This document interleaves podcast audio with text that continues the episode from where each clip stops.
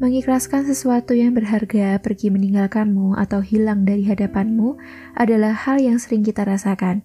Mulai dari kehilangan benda yang sangat berarti hingga kehilangan orang yang kita sayangi. Bentuk kehilangan itu bisa berbagai macam.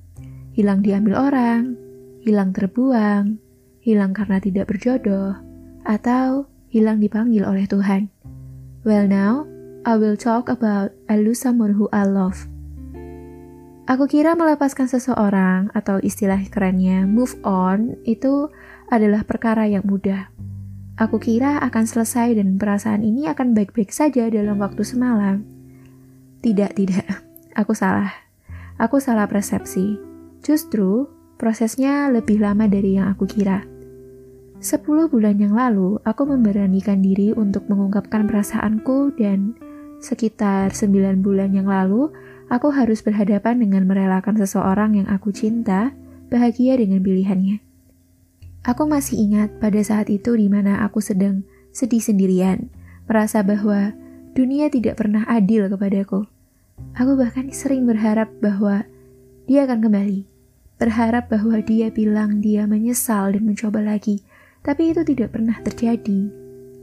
Fase penyesalan pernah aku lewati pada tiga bulan setelah aku menyadari bahwa Aku harus benar-benar melepaskannya.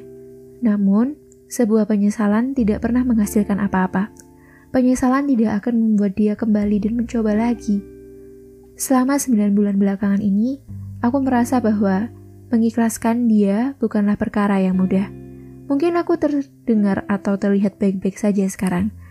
Tapi sebenarnya kadang aku tuh masih kepikiran olehnya ya, walaupun intensitasnya berkurang dari yang awal-awal patah hati. Aku kira 9 bulan tanpa komunikasi dan bertemu akan membantuku benar-benar melupakannya dan benar-benar mengikhlaskannya. Akan tetapi, tidak semudah itu.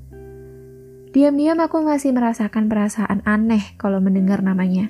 Mendengar teman-temannya menceritakan keadaannya membuat perasaan aneh ini tuh seperti kamu sedang tersenyum tanpa alasan, ada kupu-kupu yang menggelitiki perutmu. Diam-diam pula ketika di satu pekerjaan di mana kita harus berkomunikasi dan aku bisa melihat tampangnya di layar laptopku, buat aku merasa buat aku tuh merasakan rindu yang seharusnya tidak datang. Aku susah payah kala itu menahan senyum ketika melihat tampangnya di virtual meeting kala itu. Dan satu hal yang membuat aku terdengar aneh dan kekanak-kanakan hmm, gimana ya? Pokoknya aku kadang merasa sedih kalau lihat dia dengan pilihannya yang sekarang.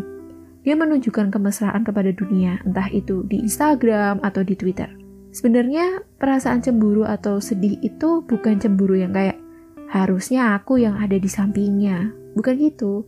Lebih tepatnya seperti kenapa ya dia bisa bahagia dan tertawa bahagia sedangkan aku susah sekali menemukan seseorang yang buat aku bahagia. Perasaan ini lebih tepatnya disebut iri sih. Aku rasa iri adalah kata yang tepat dari kata cemburu.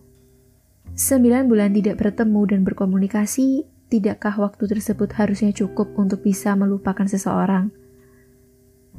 Selama aku sedang bergerak terlepas dari ikatan percintaan yang kayak tai kuda itu, aku masih tetap dihadapkan dengan rintangan-rintangan ketika move on. Banyak banget rintangan sampai aku tuh kadang gemas sendiri berhadapan dengannya.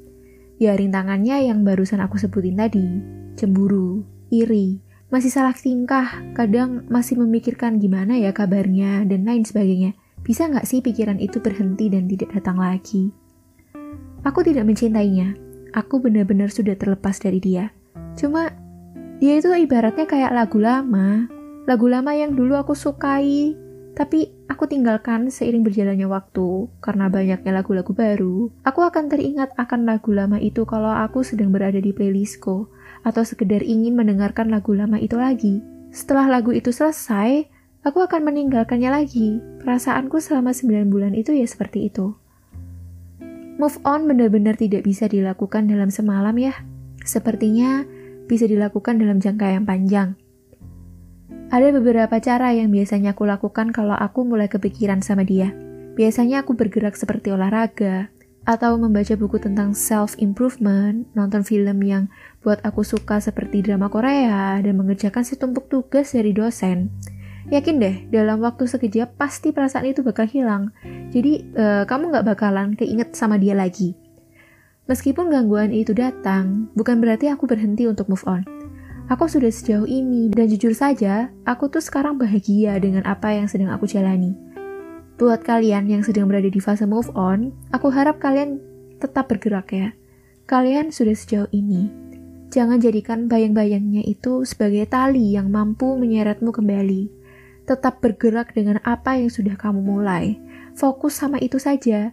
Perihal kamu misalnya dia minta balikan, tapi itu buat kamu menderita, mending kamu selamatin diri kamu dulu deh. Masa iya harus jatuh ke lubang yang bikin kamu berdarah? Aku tahu move on itu tidak bisa diselesaikan dalam sekejap mata. Memang butuh waktu yang lama. Hanya saja itu semua juga dibantu oleh kemauanmu dan niatmu. Kalau kamu nggak niat dan masih ingin meratapi kesedihan, jelaslah move on itu akan gagal. Udah, gak apa-apa dia bahagia sama orang lain. Ingat kata kali, meskipun kamu tidak bahagia dengan orang lain, setidaknya kamu tidak meletakkan tanggung jawab atas kebahagiaan orang lain kan? Yang menjadi tanggung jawabmu sekarang, ya kebahagiaanmu sendiri. thank you